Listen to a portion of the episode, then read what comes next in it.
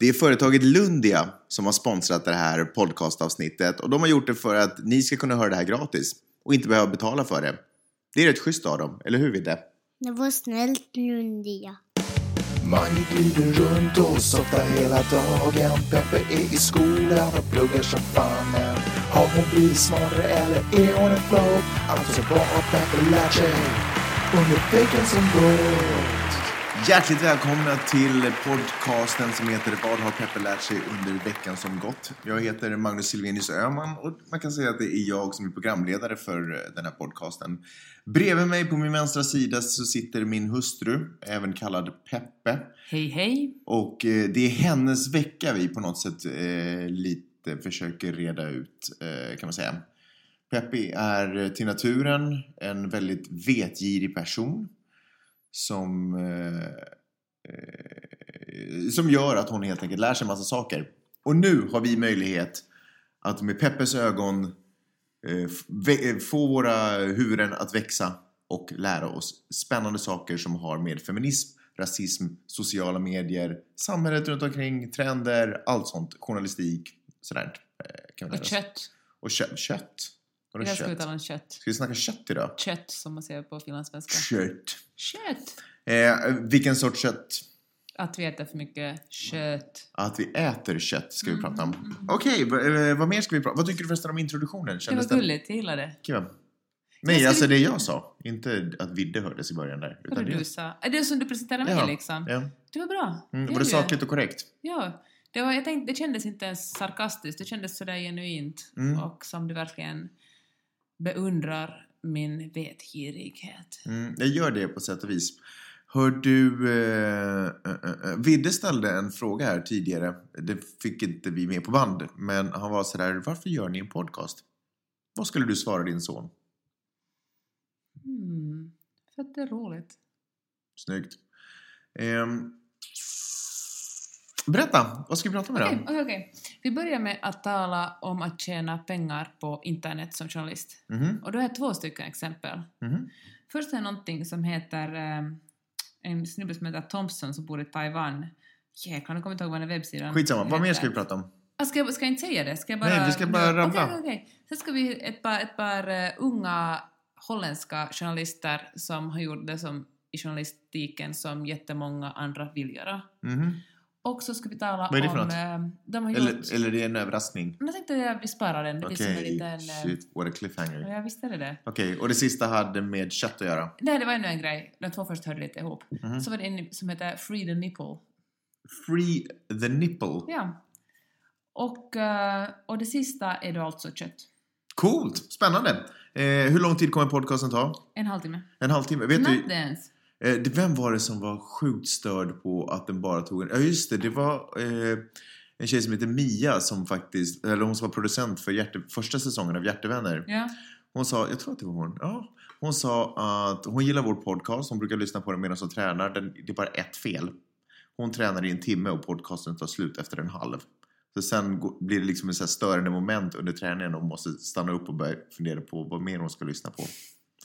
Man kan ju lyssna på två avsnitt. Man måste inte träna hela Eller tiden. lyssna om ett avsnitt. Oj, för det finns så många nivåer och dimensioner som man kan snappa upp på ett andra varv. Ja, det är som att se um, Mulholland Drive.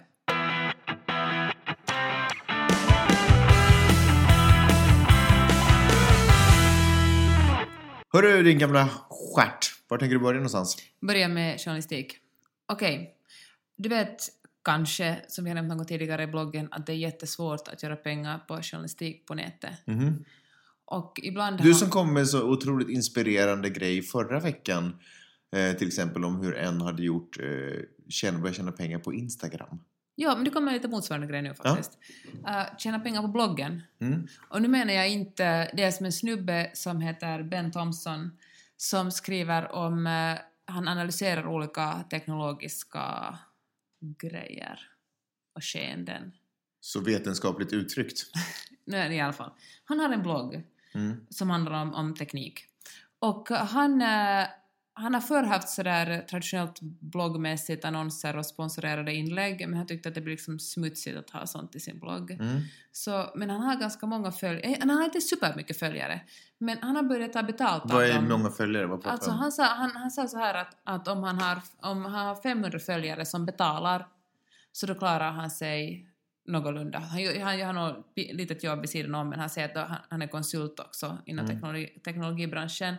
Men han sa att med, med 500 följare så klarar han sig helt bra, med 1000 följare så är han liksom supernöjd. Mm.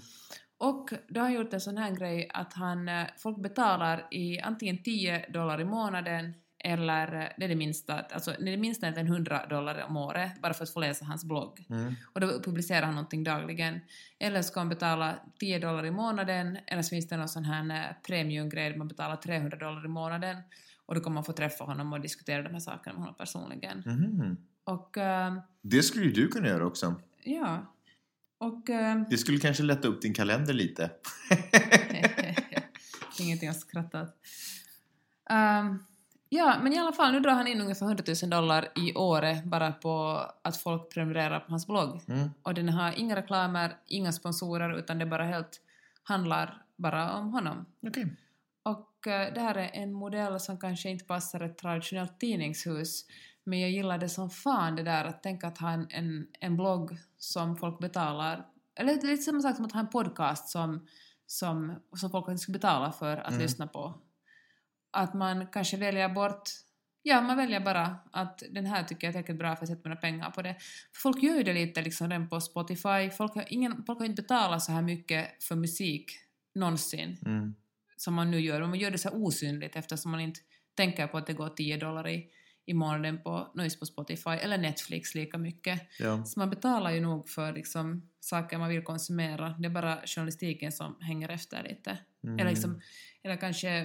Men jag tror att det, alltså, alla är ju väldigt rädda. För att jag tror att alla skulle vilja sätta en betalmur på sina grejer eller ha folk som betalar. Men man är så himla rädd att man tappar alla då. Och det har man liksom inte råd att göra. För det är så många som är anställda som liksom...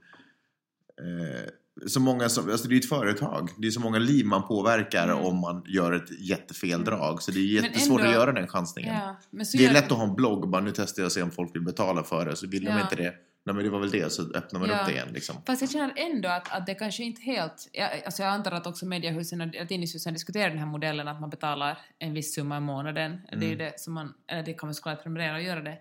Men eh, jag antar att, att hans fördel också är att man vill stödja just honom, att han har liksom ett så bra förhållande med sina läsare, en så liksom, att de verkligen litar på honom. Tror du att folk skulle betala för att läsa din blogg? Kanske. Jag tror nog några skulle göra det. Skulle det- det... vara bättre att några gjorde det och betalade för att det kändes rätt än att du har så många som du har nu och allting är liksom lite gratis och du bara, allting bygger på din... Nå, jag tycker jättemycket om att, att blogga. Ja. Och- Men tycker du om att ha många följare? Jo, men också därför att eh, jag får en massa andra uppdrag. Jag är liksom inte bloggen i sig som ger så mycket pengar, men jag har ju liksom fått en massa andra vet du, vänner och, och eh, jag har fått skriva böcker på grund av, eller tack vare bloggen och jag har fått föreläsaruppdrag och det ena och det andra. Så det är ju massa sådana positiva saker som den för med sig. Men jag tycker nog att det är en jättespännande lösning det där att, att man ska ha folk att, att prenumerera på ens blogg. Men jag antar att jag skulle skriva om någonting mer liksom eh, nischa sig, vet du, att har man en, en receptblogg eller just en teknikblogg eller en musikblogg som man får som kanske inte är så personlig så kanske det skulle, ja, det skulle kanske vara mer motiverat. Jag vet inte. Sen i samma text så handlar det om en, en snubbe som gör en podcast som han crowdfundar, liksom att folk fick eh, betala så mycket de ville för den och sen började han publicera en, en podcast. Mm. En tredje text som jag läste som handlar om, jag tror att det kom på, handlar om, eh, jag tror att det var på New York Times men jag kan ha fel, som handlar om, om en guideline som man ska göra en, om man vill ha en podcast i USA. Mm. Och där stod det att man ska ha minst 20 000 lyssningar i veckan för att Jag, man jag kan hoppas börja... att du menar minst 20 000 Minst. och inte att man ska ha mist 20 000. Du sa det? Jag sa fel. Det var roligt. Ja, att man ska ha minst 20 000 lyssningar och då kan man börja få sponsor, spon, sponsorer. Det är ju kanske inte lite samma verklighet som i Svenskfinland. Anyway, men i alla fall, jag- jag blev glad över att läsa om den här bloggaren. Och i samma veva snubblade jag över en annan text som handlar om, dem, om två holländska journalister som var knappt 30, typ 27, bara barnen, som hade kommit på en lösning där eh, man kunde köpa artiklar för att betala 20 cent per artikel. Liksom lite, de beskrev det lite som en iTunes i media, i holländsk media.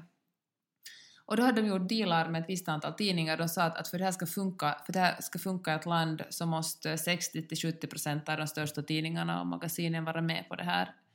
Och då registrerar sig folk och uh, sen på ett superenkelt sätt, lika enkelt som när man typ köper en app eller något sånt, man behöver, är du säker på att du vill köpa den här, klick ja, så har man köpt den, så kan man läsa en text för då 20 cent. Jag tycker det låter ganska mycket faktiskt, 20 cent per en, per en artikel.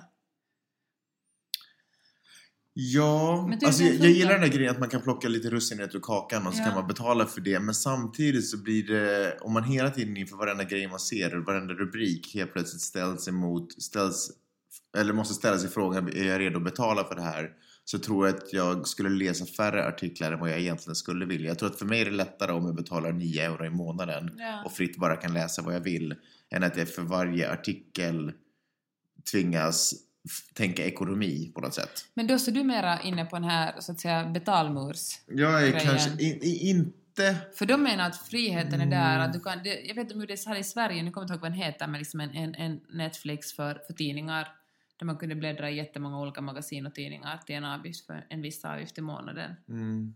För det handlar, okej, en betalmur är en annan sak, för det handlar om en tidning. Jag tror att fördelen här är det att, äh, Att du öppnar upp flera tidningar ja, liksom. att du kan läsa, du kan, ska, sen som man gör annars också i sociala medier, man skapar sin egen lilla bubbla och läser bara sånt som bekräftar ens egna åsikter från tidigare. Jag vet inte riktigt, svårt att säga. Jag kanske är, är mer för eh, betalmur. Mhm. Det är bara en tidning alltså? Mm. Eller, eller, Eller du vet... bara att allt ska vara gratis va? Nej, nej, nej, det måste det inte vara. Men jag kanske skulle kunna tänka mig även någon form av betalmur till det här äh, grejen som gör att man kan välja olika artiklar. Mm, Att den ändå kanske hade någon form av... mm. Typ Netflix, du prenumererar och så betalar du 10 dollar varje månad. och så sen kan jag få välja ja. vilka filmer jag vill. Lite så. Ja, fast kanske. vilka tidningar och magasin du vill. Mm. Du tror mera, du tror inte på enstaka. Nej, jag, jag tror att det skulle...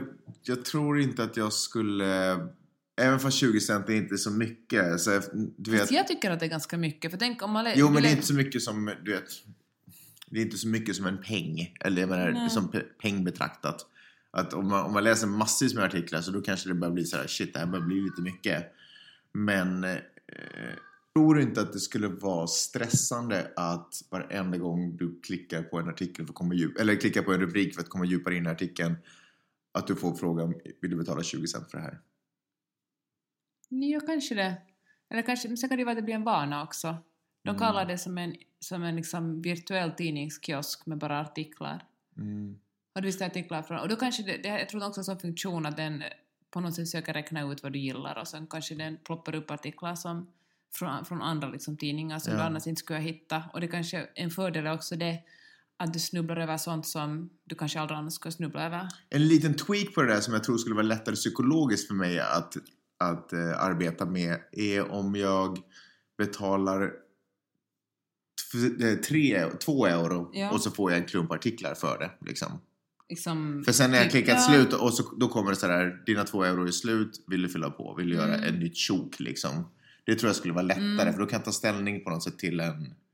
Jag vet inte, nej fan jag vet inte. Det är nog Ja, bara nej, men nu. det var min idé. Den, den är sex månader gammal den här servicen i Holland och det här har inte det funkar bra. Vi får se om det funkar. Ja. Coolt. Och det är roligt att det händer saker inom, att folk liksom gör saker inom journalistiken och försöker hitta på olika betalningsmodeller. Mm. Ja, det är sant. Annars tänk, alltså folk är ju mer benägna att betala. En annan sak som jag skulle säga, det finns en sån här mini-webbserie på Vimeo som heter High Maintenance som jag kollade på när vi var i USA. Superbra 15 minuter långa avsnitt som utspelar sig i New York. Och eh, nu kollar jag igen att nu kommer nya, en ny säsong och de kostar typ en dollar per avsnitt. Och en dollar är ju inte så farligt, det betalar man gärna för man betalar gärna Hur för många det som, avsnitt? För en säsong? jag vet, 10-15 kanske. Mm. Det är Alltså inte alls så farligt. Mm. Och jag tycker det är bra, man vill ju betala liksom för något, speciellt som man har sett den första säsongen och vet att det är jättebra. Och eh, så jag liksom blir glad när folk hittar på olika, hittar på olika betalningsmöjligheter. Det jag kanske känner att vi ändå är ganska mycket i en period där om jag betalar för någonting så är det egentligen inte för den servicen eller den produkten jag får utan Mm. nu betalar jag lite för att jag vill supporta ett visst Mm. tankesätt. Så på sätt och vis, jag vet inte lite om det är att lura sig själv eller... Alltså jag förstår att på något sätt måste det komma in pengar och man måste belöna saker och ting men än så länge har jag ju inte riktigt egentligen någonsin betalat för en produkt som jag har varit supernöjd med. Hur menar du då? Men musik till exempel, när du, lyssnar på Spotify varje dag. Eh, jag menar egentligen när det kommer till journalistik. Ah, men du prenumererar ju på tidning. Ja. Nej men alltså jag menar när man prenumererar, alltså digital journalistik. Ja, mm. Att de... ja, du menar att du har fått allt gratis från annat håll ändå? Ja, precis. Exakt. Mm. Eh, när, jag, när jag prenumererade på New York Times webb, alltså det, det är bra och det är coolt men det är liksom jag kanske mer gjorde det för att jag ville att de skulle ha, att de inte skulle gå under. Mm. Liksom. Schysst, Magnus. Ja, men, eh, men det, någonstans är det också lite frustrerande att man hela tiden bara håller på med det känns lite som att man håller på med hjärt och lungräddning Mm. snarare än att man liksom på något sätt lever det liv man Mm, vill jag hör leva. dig. Var det det du hade att säga om det här? Ja.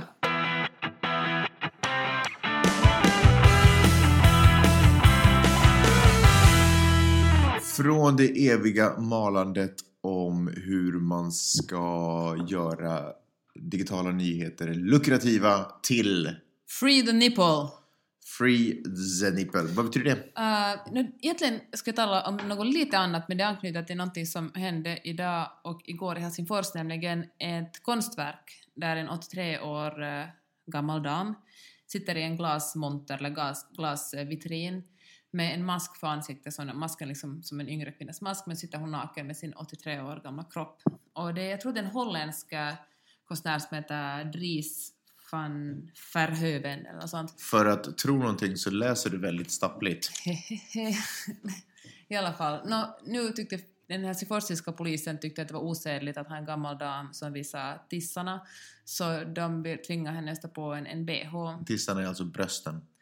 Och eh, i, alla, i en massa andra europeiska städer det här konstverket då har visats så har det inte varit några problem. Det är roligt för på sommaren så ser jag inte polisen gå omkring och sätta på t-shirtar på äldre män som sitter på, Exakt! på uteserveringen och dricker öl. Exakt, precis. Och det stör mig något otroligt mycket det här, för att folk tycker att det är jätteäckligt då att se en gammal kvinnas bröst. Jag menar, skulle det stå en ung kvinna där med sillisar så tror jag inte skulle... Men vad då? Silikonbröst, har du Jaha, tittat på... sillisar. Så ser man i Paradise Hotel. Det finns så många olika sillisar i den finlandssvenska kulturen så att jag har väldigt svårt att Ah, hålla jag tänkte på en sån här Hanken-sillis. Ja. I alla fall. Och då skrev jag det på min blogg och jag tänkte sådär att det här blir ett sånt inlägg som alla kommer att gilla och de är helt bra Peppe, där fick du till det. För jag skrev att jag tycker det är dubbelmoral att, eh, att man blir så chockerad över en sån här kvinna, när, en naken kvinna, när hela stan är full av eh, massa nakna kvinnokroppar, eller halvnakna. Alltså, all reklam handlar ju om sälj grej med tjej. Det Mm. liksom, och speciellt nu inför julen, för på något sätt hör underkläder julen till och då kommer alla liksom allt från H&M, Lindex, Kappa, så kommer att puta ut en massa, puta ut en massa kvinnor i underkläder. Did you hear what I just did there? och, det där, och sen bör, men alltså alla på min blogg, alla som kommenterar på min blogg var sådär att inte det är alls någon dubbelmoral, det är faktiskt jättestor skillnad att eh, visa brösten, att sitta naken där, än att ha lättklädda kvinnor på stan. Och då tycker jag det är så sjukt det här för att det är ju en, inte mer norm- normalt med en naken kropp än att ha en massa kvinnor som är sexualiserade som bara finns där för att visa det en sexig kvinnokropp. Förstår du vad jag Mm. menar, skillnaden?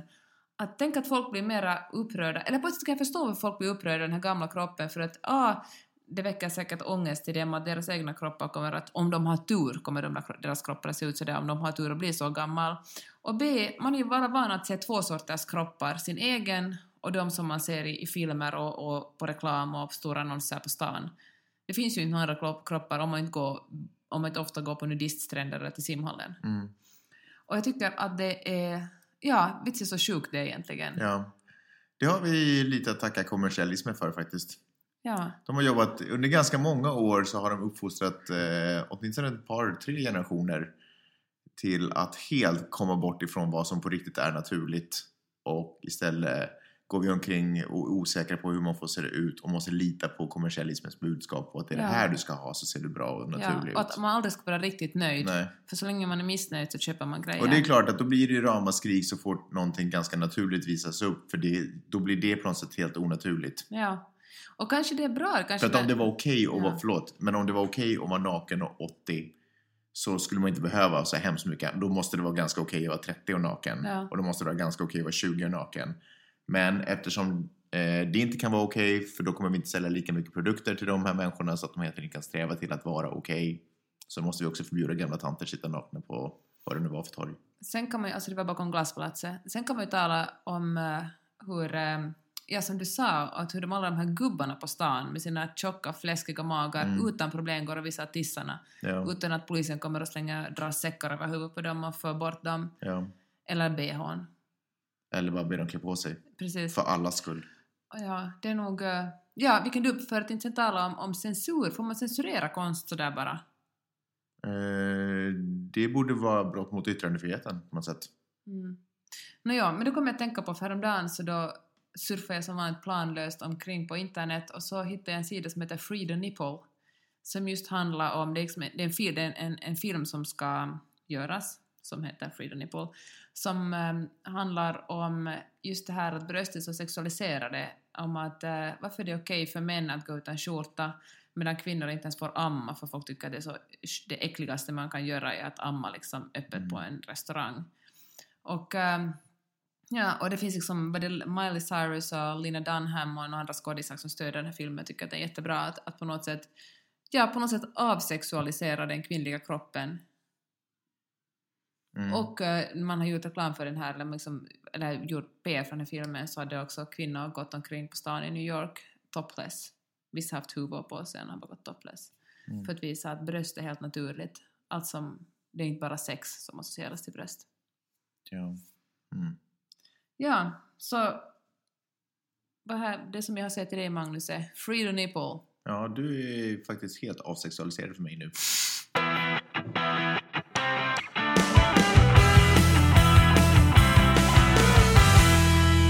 Man säger ju att en kedja är bara så stark som den svagaste länken och jag är lite rädd för att det finländska samhället lite på något sätt, alltså eh, det finns länkar som är totala grottmänniskor, män och kvinnor. Mm. Och det är svårt för samhället att komma vidare då om man hela tiden spelar på grottmänniskors, eh, att man liksom till, eller att man aldrig tvingar dem att utvecklas.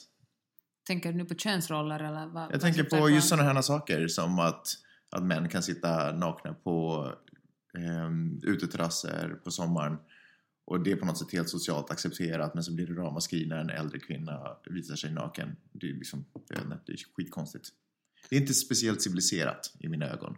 Nej, men det är inte så hemskt länge sedan vi flyttade in från bondgårdarna heller. Och jag betyder ju inte att alla som bor på en bondgård ska vara ociviliserade på något sätt. Men det jag tycker är lite sådär, det jag tycker är anmärkningsvärt är att, sam, att liksom övriga samhället, eller på något sätt att vi som stat inte ställer högre krav på den svagaste länken. Att vi inte på något sätt verkar vilja komma, komma vidare och mycket snabbare. Men då tycker jag vi kan dra in rasism i det här också. Jag tycker man kan dra in många saker. Allting som är fel i samhället handlar ju om att svaga länkar gör dumt skit. Men vad ska man göra då? Man ska ställa... ställa Till och med folk- scen när någon gör något dumt. Nej, man, ja, det kan man kanske också göra i och för sig. Men jag tycker att man kan... eh, Emigrera. Men herregud, skit i svaret då. Vad vill du Nej, prata men om nu? nej, nej, jag vill inte Nej, säga det. Jag skojar inte. bara. Vad vill, du, vad vill du prata om? Nej, nej, säg det bara. Jag skojar bara. Vad vill du prata om? Jag vill prata om kött. Roligt, prata om kött. Häromdagen så viskade jag åt Vidar. Vidar, jag älskar dig. Och så viskade han tillbaka. Och jag älskar kött. Ja, Vad är det? ja det var det. Var det nej, nej, nej, nej, nej, jag skojar bara. Det, det, jag läste, jag läste en, text om hur, eh, det är ju inte någon nyhet, men vi äter ju alldeles för mycket kött. Mm. Och eh, bara på, på 25 år, förr åt man 60 kilo kött, för 25 år sedan åt man 60 kilo kött om året. Ja. Vilket är ju ganska mycket. Ja. Medan man nu för äter 85 kilo kött om året. Mm. Och det är jättemycket. Och det är ju katastrofalt för eh, miljön. Eftersom det gör att det är orsaken till att vi skövlar ner en massa, massa regnskog för att eh, producera soja. För att, inte för att göra sojabiffar, utan för att djuren äter soja. Och typ- vi äter soja. Jag menar, alltså vi äter ju piki, Äter piki... djuren soja? Ja. Det är jättemycket protein i soja, de växer snabbt och det blir liksom biffiga kor. Mhm. Och det, den sojan som människan äter är liksom en nanopromille alltså. Det är pyttelite jämfört med det som går till djurens mat. Okej. Och eh, ja, så det är inte speciellt, nå plus att korna pruttar och, och det är inte heller så bra. Och ju bättre ett samhälle har det ekonomiskt, desto mer kött äter samhället. Och Indien är faktiskt det enda som inte har ökat sin eh, köttkonsumtion i världen, trots att, att deras ekonomi och liksom levnadsstandarden har ökat. Men däremot Kina äter också otroligt mycket kött.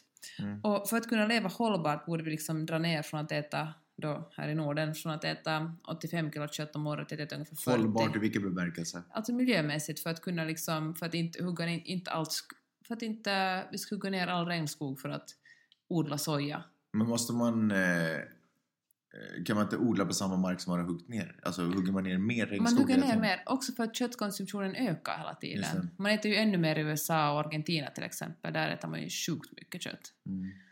Och eh, plus att det är jätteohälsosamt, alltså vi dör ju av hjärn, hjär- hjärt och kärlsjukdomar för att vi äter för mycket kött och socker.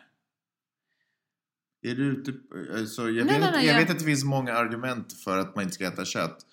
Men är det rimligt att du säger att vi dör i hjärt och kärlsjukdomar för att vi äter kött? Ja, det står i den här, jag kan svt.artikeln. Mm. Jag, skulle kanske, jag, vet, jag tänker att en läkare borde uttala sig om det snarare än en vetgirig journalist. Vadå, men inte, inte, vet inte alla det att man äter mycket kött så får man en hjärtattack? No, kanske. Okej, men jag tycker också det är sorgligt att argumentet att inte äta så mycket kött är att, att du som individ kanske dör eller får liksom problem med hälsan. Mm. Utan borde inte ett bättre argument vara att hej, dina barn kanske kan leva på jorden och se Mm. vandra genom regnskogen eller vad nu barnen vill göra. Ja. Men att man alltid måste, man är bara intresserad av, av att sluta äta kött om det har något med ens personliga hälsa att göra. En annan grej är att vi äter också mer mejeriprodukter. Inte nödvändigtvis att vi skulle dricka mer mjölk, men vi äter mer yoghurt och ost och någonting som går åt supermycket och det är ju Mm. inte heller speciellt hälsosamt. Nej. Det behöver man och för sig inte döda kon för. Egentligen så förutsätter man att de hålls vid liv för det. Ja, för jag tror faktiskt att en mjölkko lever kortare tid än en köttko. Mm. För de, man liksom, kon är ju bara, alltså kon är ju som människor, den, den producerar mjölk när den, den har fått en kalv. Och Jag- det är ju inte naturligt för dem att liksom producera mjölk, att liksom amma i, i flera år. Jag känner att jag, jag hör argumenten men jag är lite osäker på och vart, är det här ett brandtal för att sluta äta kött Ja. eller, eller är du på väg någonstans? Nej, nej, det är bara ett brandtal Okej, för att sluta. det. Jag tycker att, ja, jag ville bara informera våra Ja. hängivna lyssnare om det här. Att man, det. och, man, och folk, alltså man behöver ju inte sluta så att man ät, aldrig mer äter kött, utan kanske man bara kan tänka sig att äta kött bara tre gånger i veckan. Mm. Eller att inte äta kött tre gånger om dagen. Att man äter liksom Vad, ska man, vad ska man äta istället då? morötter. Morötter? Men på riktigt, vad ska man äta? Men vad som helst, bönor och linser och det finns ju Om Alltså- man inte tycker att det är gott då? soja. Då får man lära sig, det tar ju några gånger för en att vänja sig vid, vid olika smaker. Om det enda man tycker att det är gott är kött, Kött har ju den fördelen nog när folk upplever sig stressade är att man äter en bit kött så är man ganska mätt ganska snabbt. Att det går ganska, allting går ganska snabbt liksom. Medans... Eh, man har bråttom liksom. Ja, nej, men precis. Om man upplever att man lever ett stressat liv och man orkar inte hålla på. Man ska hämta barnen från dagis och köra till Så vill man hockeyträning. lugna ner sig så äter man Och, kött. nej, men, och där någonstans måste man äta emellan så man steker upp en biff, bom, alla får mat i magen, bom, alla är mätta. Boom, det finns ingen jord kvar. Mm, det är väl kanske priset man får betala med din och generation framåt. Tror du på riktigt att jorden kommer gå under om vi fortsätter äta kött så här? Vad betyder det att gå under? Ja, att det bara finns aska är kvar det, Men vad är det du liksom. varnar för? Att, det kommer, att folk kommer att gå hungriga för det kommer inte att finnas mat kvar till alla. Det finns liksom inte, vi konsumerar upp allting. Äter upp alla kor? Ja, Nej, ja det finns ingenting, ingenstans att odla mera. Och liksom, det finns färre, mindre mångfald. Mm. Vad tror du att kommer? Tror du inte kommer att hända någonting alls? Jag tror att eh, vi gör... Alltså, vi är girigt och jävligt dum ras. Vi, vi förstår inte det bästa för oss. Vi har hemskt svårt att se konsekvenser. Vi är som små barn. Vi kan Mm. inte riktigt se konsekvenserna av att gå ut på gatan utan att se sig omkring. Eh, jag tror också att en av våra styrkor är att vi är sjukt anpassningsbara och kan anpassa oss till de mest horribla miljöer och, och på riktigt leva där också. Så jag tror nej, jag tror inte människan som ras kommer gå under på grund av att vi äter upp allting som finns på jorden. Jag tror inte nödvändigtvis att vi kommer leva lika bra som vi gör idag. Så hemskt länge, eller liksom, Mm. det kommer en tid då det kommer vända och- folk måste börja leva på ett annat sätt. Ehm, det Men, finns, det, eh, jag är ganska säker på att Vidars barn eller barnbarn och, kan, och kanske till och med Vidar, att det kommer finnas saker han inte, han kommer bara höra oss berätta om eller Så han kom nog, nej, vi hade, jag vi hade det- hundar och katter som husdjur, men de här andra djuren, de var också söta, men de åt vi upp. Ja, nej, men det är sant. Eh, djur och växter och sånt försvinner och nu försvinner de onödigt snabbt och det är vår hand. Det är inte så att det har, alla de djur som har försvunnit för vår hand tidigare, fast det har varit under en längre period, har inte påverkat mitt liv idag. Eller åtminstone känner jag, vet jag inte av det. Förstår vad jag menar? Det fanns, jag tror att det var på Nya Zeeland så åt de upp en jättestor fågel. Mm, Och det är klart, sen måste de börja äta någonting annat men det finns ju fortfarande nya zeeländare kvar. mm. Ja, men om du tänker på den här ursprungsbefolkningen som bor på vissa ställen som vi bara liksom utarmar för att vi ska odla kött så att McDonalds ska kunna sälja, eller odla soja så att McDonalds ska kunna Alltså, sälja hamburgare. vi- Så det kanske inte berör oss direkt, men om vi har någon empati i kroppen borde vi också fundera på att, att våra liksom handlingar här i längden kanske påverkar andra små söta fyraåringar, Absolut. precis som vår egen son. Helt klart, det håller jag helt med om. Alltså, vi, jag tror att vi bara har en asshole-gen. Det, alltså, jag tycker att det vore jäkligt schysst om Mm. alla tänkte så. Jag Nu- försöker ja. tänka så. Och man kan kanske inte göra allt, allt hela tiden, men kanske man kan låta bli att äta kött då, tre gånger om dagen. Ja. Till exempel. Mm. Nåja, det var allt. Vill bara säga en sak till. No. Free the nipple! Free the nipple. Hörrni, tack för att ni har lyssnat även denna vecka. Eh, Tack till vår eh, sponsor Lundia. Ja, tack Lundia. Det var jättesnällt att ni, att ni eh, kastar lite pengar åt vårt håll. Så att det känns roligt och meningsfullt och att vi kan fortsätta göra det här. Ja. Lundia för plus. Vi ses, eh, nej, det ska ni skita i. Vi hörs nästa vecka. Hej då! Hej då!